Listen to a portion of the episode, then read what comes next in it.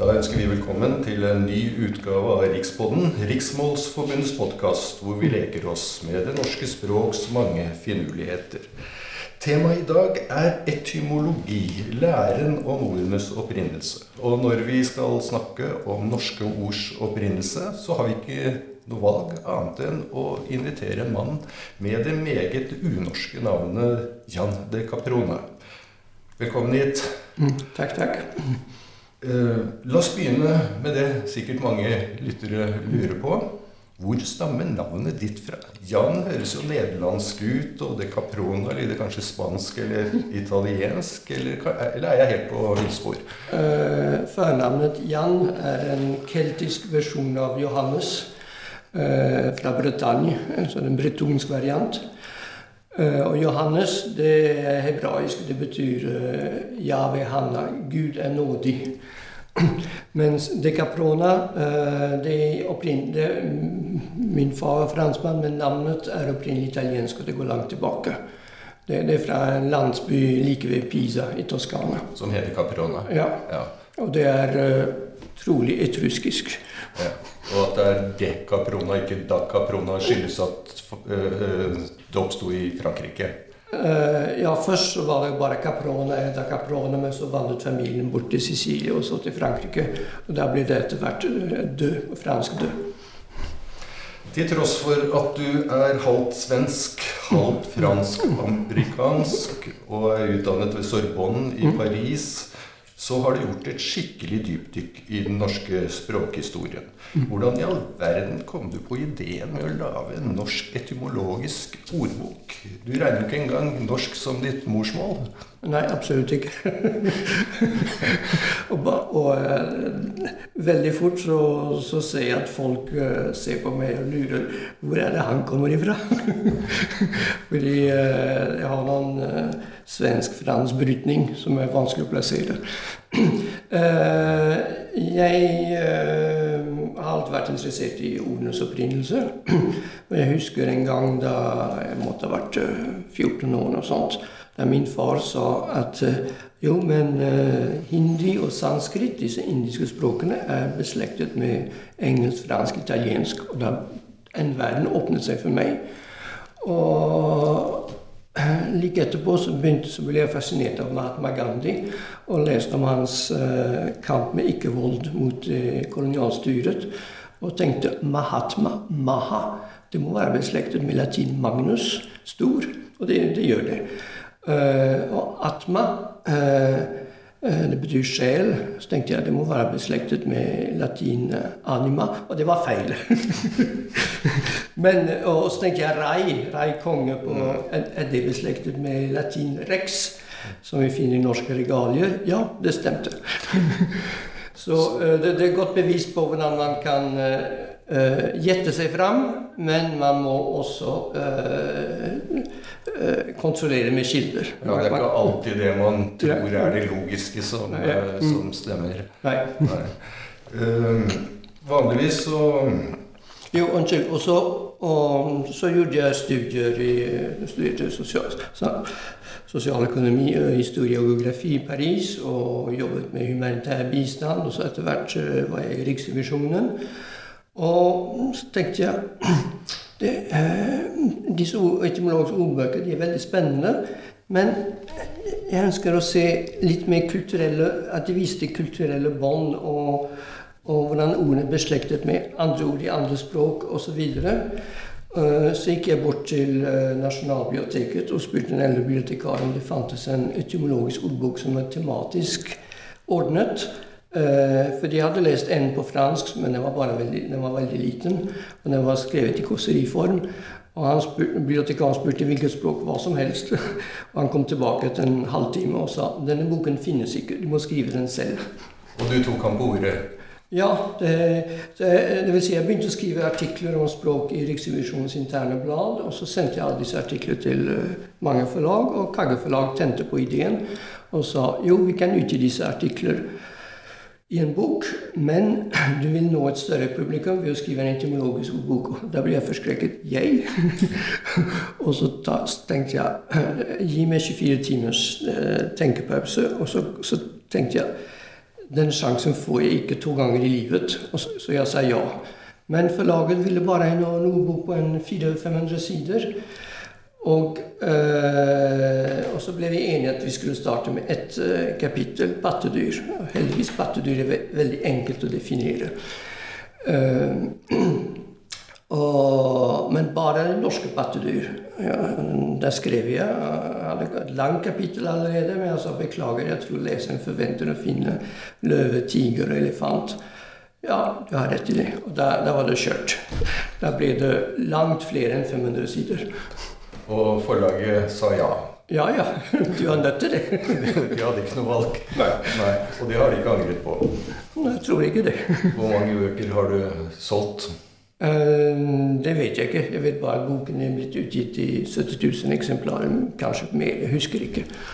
Jeg ser at mange bokhandlere er utsolgt, så mm. det er vel ikke så mange igjen av de 70 000, eh, tror jeg. Du solgte jo 30 000 allerede første året. Det er jo utrolig bra for en, eh, for en ordbok av den størrelse, og ikke minst i den prisen. Ja.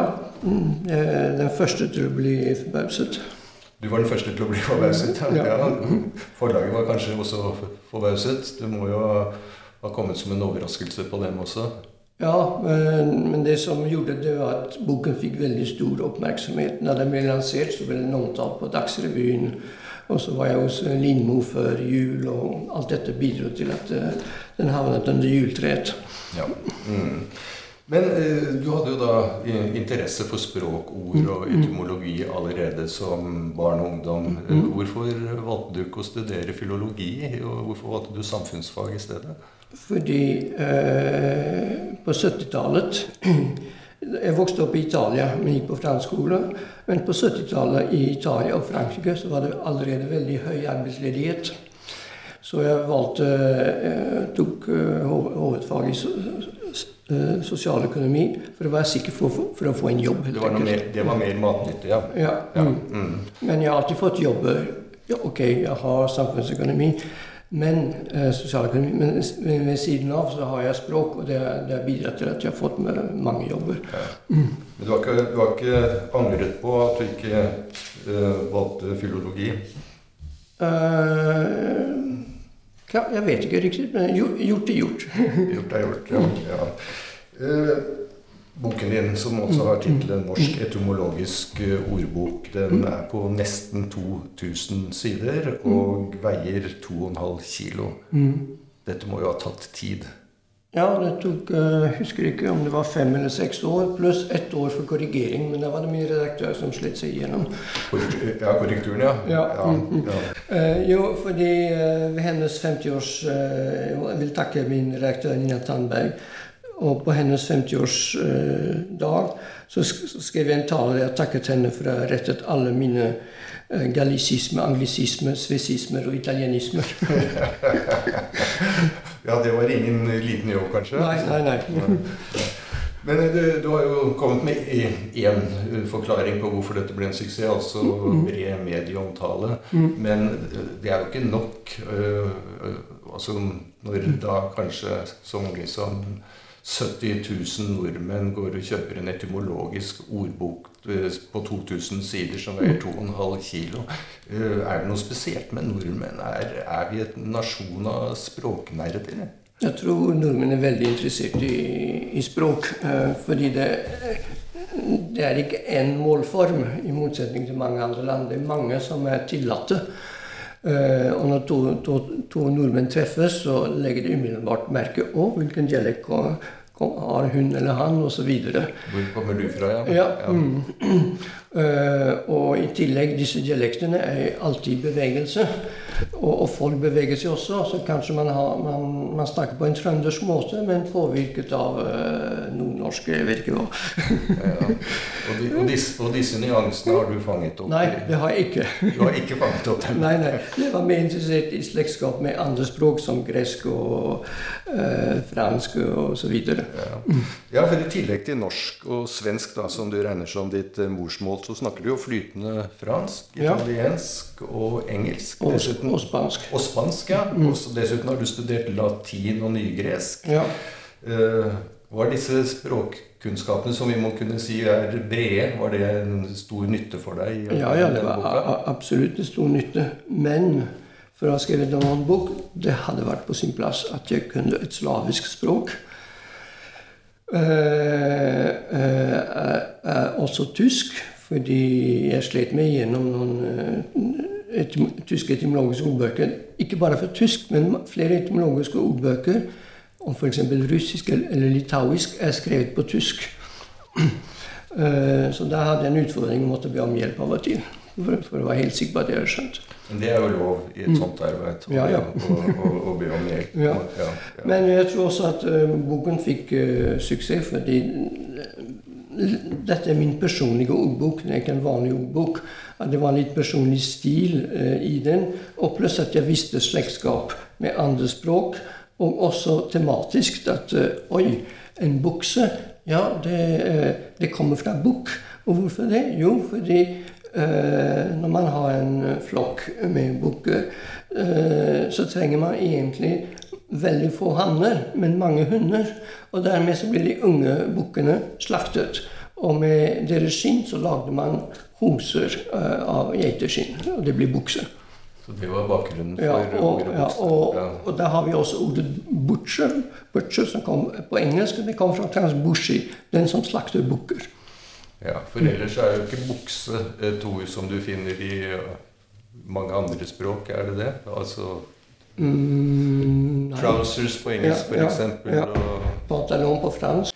Og så når jeg snakker om bukk, så, så må jeg også snakke om betydning av eh, bukk i, i førkristen mytologi.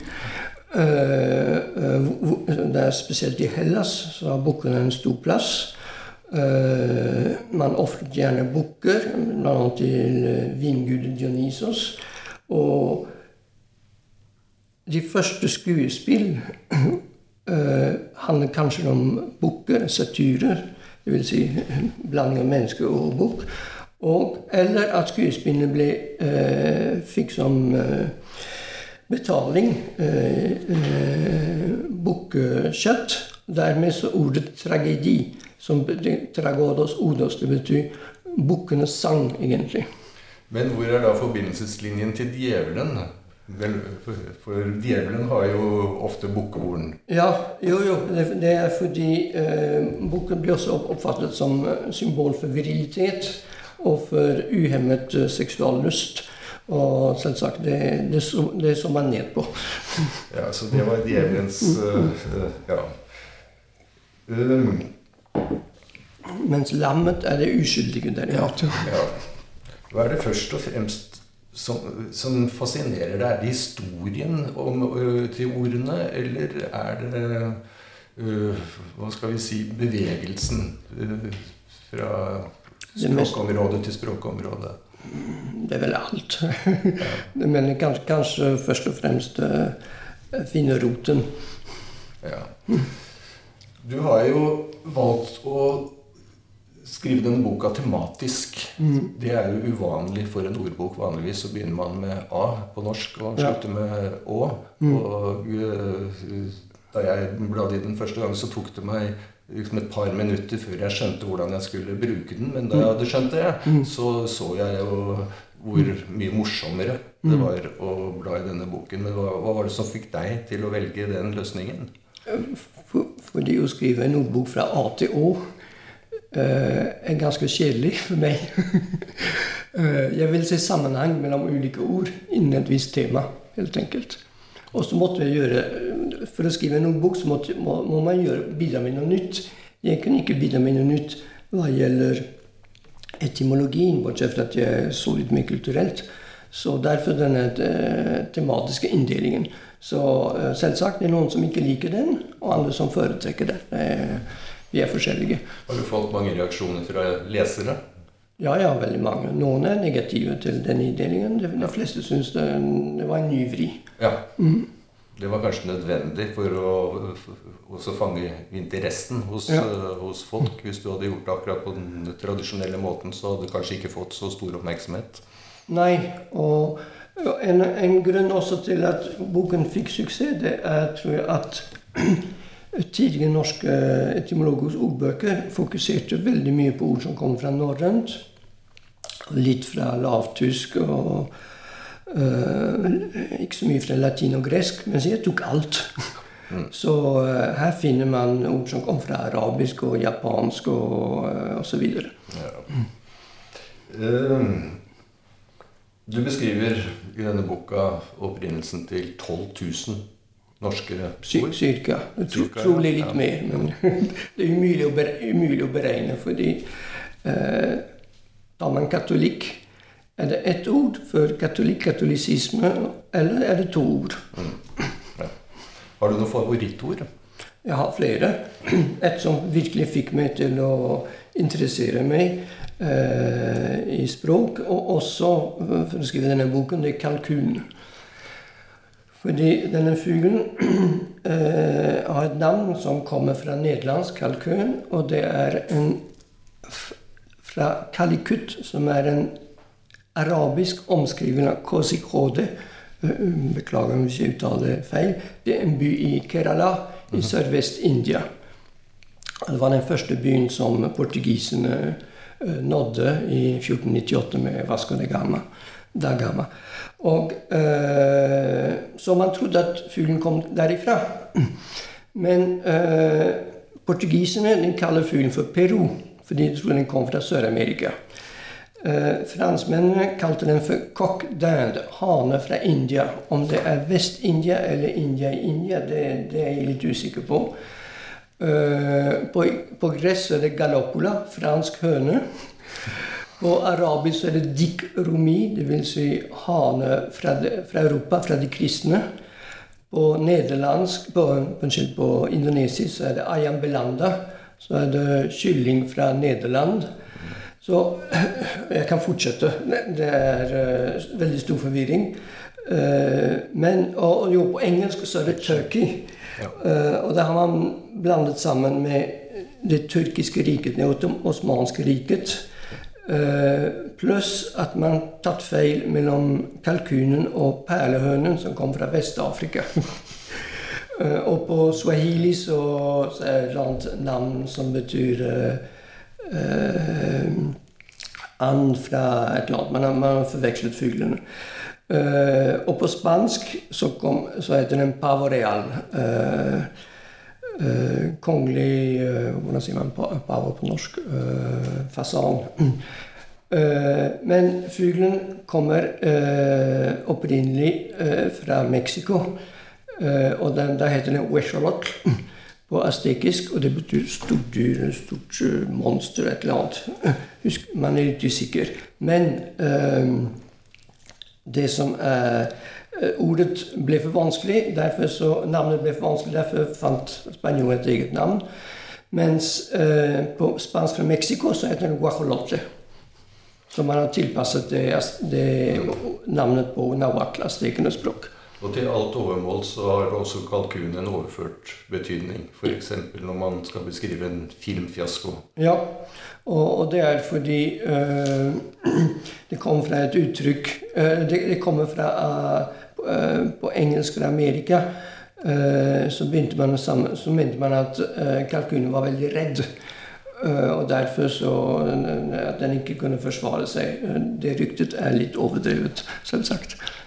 Klart den kan forsvare seg. I tillegg da til favorittord du har nå, har du nevnt kalkun. Har du Ja. noen flere? Ja, ja, jeg har f.eks. Eh, banksjekk. Eh, bank, eh, det kommer fra italiensk banco. En benk, altså. Det er et ord av germansk opprinnelse. Eh, og de første vekslingsbodene, det var helt enkelt benker. Der man eh, vekslet penger. Og etter hvert så begynte disse, de som vekslet penger, å låne penger også. Og trolig så kommer ordet bankrøpt fra bancorotto på italiensk. Det betyr brukket benk. Det vil si at den, den som lånte, ikke kunne, kunne gi tilbake penger, så brakk man benken. For å si at eh, han er ikke verdig i denne jobben lenger. Nei, ut, av, ut av business. Ja, Mens sjekk det kom fra engelsk to check, å kontrollere. Og det har, gjort, det har gitt ordet en banksjekk, som ikke brukes mye noe særlig nå. Men en banksjekk besto av selve sjekken og så talongen. Talongen, der var opplysninger for å kontrollere, to check. Men ordet, to, det verbet to check det kommer fra uh, make chess, å gjøre sjakk. Og uh, sjakk uh, Engelsk har fått det fra fransk échec som via eh, spansk og arabisk har fått det fra persisk shah. Kongen, altså. Sjakk er kongespillet. Og så er det, er de lære, strides de lærer om sjakkmatt kom fra arab. Det betyr kongen er død på arabisk. Eller det er folk, arabisk folkeetymologi fra persisk shaimat. Kongen er forvirret, hjelpeløs. Og Magnus Carlsen vil, vil, sikkert ha sagt at man skal ikke drepe kongen. Man skal, man skal fange ham, gjøre ham hjelpeløs. Så jeg tror mer på den persiske øh, forklaringen. I tillegg til Men så har jeg andre, f.eks. Ja. tysk. Tysk og Tyskland er ganske fascinerende, fordi Tyskland er stort, hadde veldig mange folk. Så uh, tysk kommer på, på, norsk. Det kommer fra germansk ord som betyr folk, helt enkelt. Uh, mens på fransk så er det uh, allemand, og det er fra alles menn. Det er også en germansk stamme. Uh, på spansk så er det germanos, germanene. Og, og, på russisk så er det Tyskland det er en, På polsk det er njemsi, njemsi. Og det er fra er oppkalt etter, til, til det germanske eller keltiske folket nemeter, eller slavisk, et slavisk ord for stømme. Fordi de, de var barbarer. Man, man, skjønte ikke hva de sa, helt enkelt.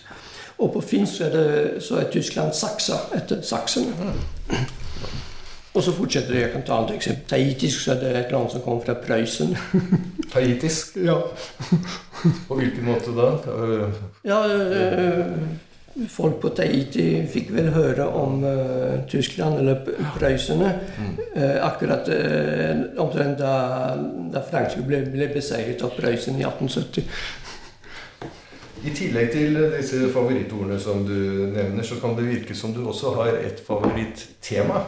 Nemlig ord om kjærlighet. For året etter at den store ordboka kom, så kom du med en mindre mm. ordbok som heter 'Kjærlighetens etymologi'. Eh, hvorfor akkurat kjærlighet i en egen bok? Fordi forlaget påpekte at ordet eh, tema kjærlighet, som er ganske sentralt i våre liv, heldigvis, er eh, blandet i veldig mange temaer. Det gjaldt eh, det om familie. Eh, til kjærlighet så er det ektefelle, kone, barn og så. Eh, ekteskap. å gifte seg. Eh, men det er også juridisk. en en ektepakt, f.eks. Og det, det er knyttet til følelser, fra forelskelse til sjalusi osv. Til psykologi. Og. Så derfor så kom den lille, den lille boken. Men, og da syntes jeg det var morsomt å tillegge uh, sitater. Uh, gjerne ja, selvsagt noen romantiske som dette av Pablo Neruda. Jeg vil gjøre med deg det våren gjør med kirsebærtrær.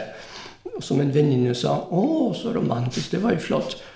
Så sa jeg, 'Du, eh, kirsebærtrær blomstrer bare en eller to uker.' Ja, men likevel. Og i tillegg hvert år. Eh, eller, men jeg tok, eh, jeg tok, ikke med noe særlig sure, fordi uh, det er så lett å lage sure sitater, og man blir ikke glad av dem. Men jeg tok med noen humoristiske, som dette av Oscar Wilde, selvsagt. Bigami er å ha en kone for mye. Monogami er det samme. Har den boken. Den om kjærlighet det, Da var det viktig også å snakke mer om uh, historien av kjærlighet, fordi begrepet kjærlighet forandrer seg hele tiden. Uh, klart man Forelskelse er alltid funnet, men lenge så så man forelskelse med skepsis, fordi man var redd for at det ikke ville vare. Man, man trodde mer på at to barn, to unge voksne, skulle gifte seg med folk som foreldrene valgte ut, helt enkelt. At de, skulle Fornuftsekteskap. Fornuftsekteskap, ja. Ja, Mm. man hadde mer tro på det. Ja. Og det var, var det vel helt fram til 1800-tallet. Ja, Ja. 1800-tallet. Ja. Mm. Ja. Det var noen uh, lurer på om det var Disraeli, en kjent engelsk politiker, som sa jeg, jeg har gjort mange dumme ting i mitt liv, men jeg har ikke giftet meg pga. kjærlighet. Hvilket nå vil virke helt absurd å si. Men kjærligheten og forelskelsen måtte jo ha eksistert den gangen også. Men, Selvsagt, ja. selvsagt. Men forelskelse ble knyttet til eh, noen, noen noe, noe som, var, som bare gikk forbi ganske fort. Noe uansvarlig. Ja, og, og, og innen et ekte, arrangert ekteskap så var eh, Dersom sidesprang ble eh, Forelskelse blir gjerne forbundet med sidesprang. Ja, og ditt sidesprang her i livet, det har vært uh, etymologi. Ja.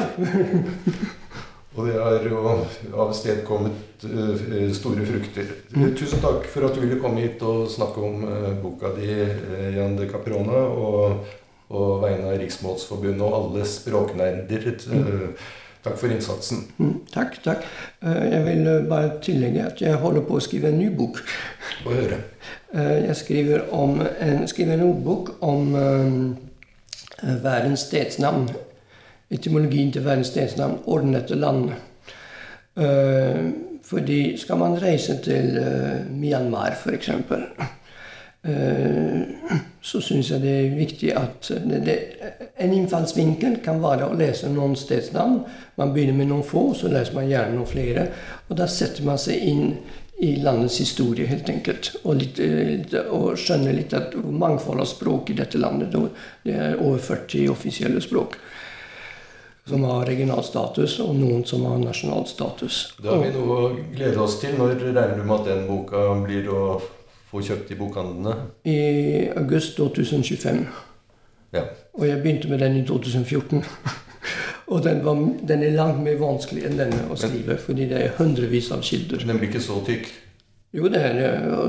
Dessverre så, så, så kan jeg ikke over... Det står i kontraktet at eh, boken skal ikke overskride 1920 sider.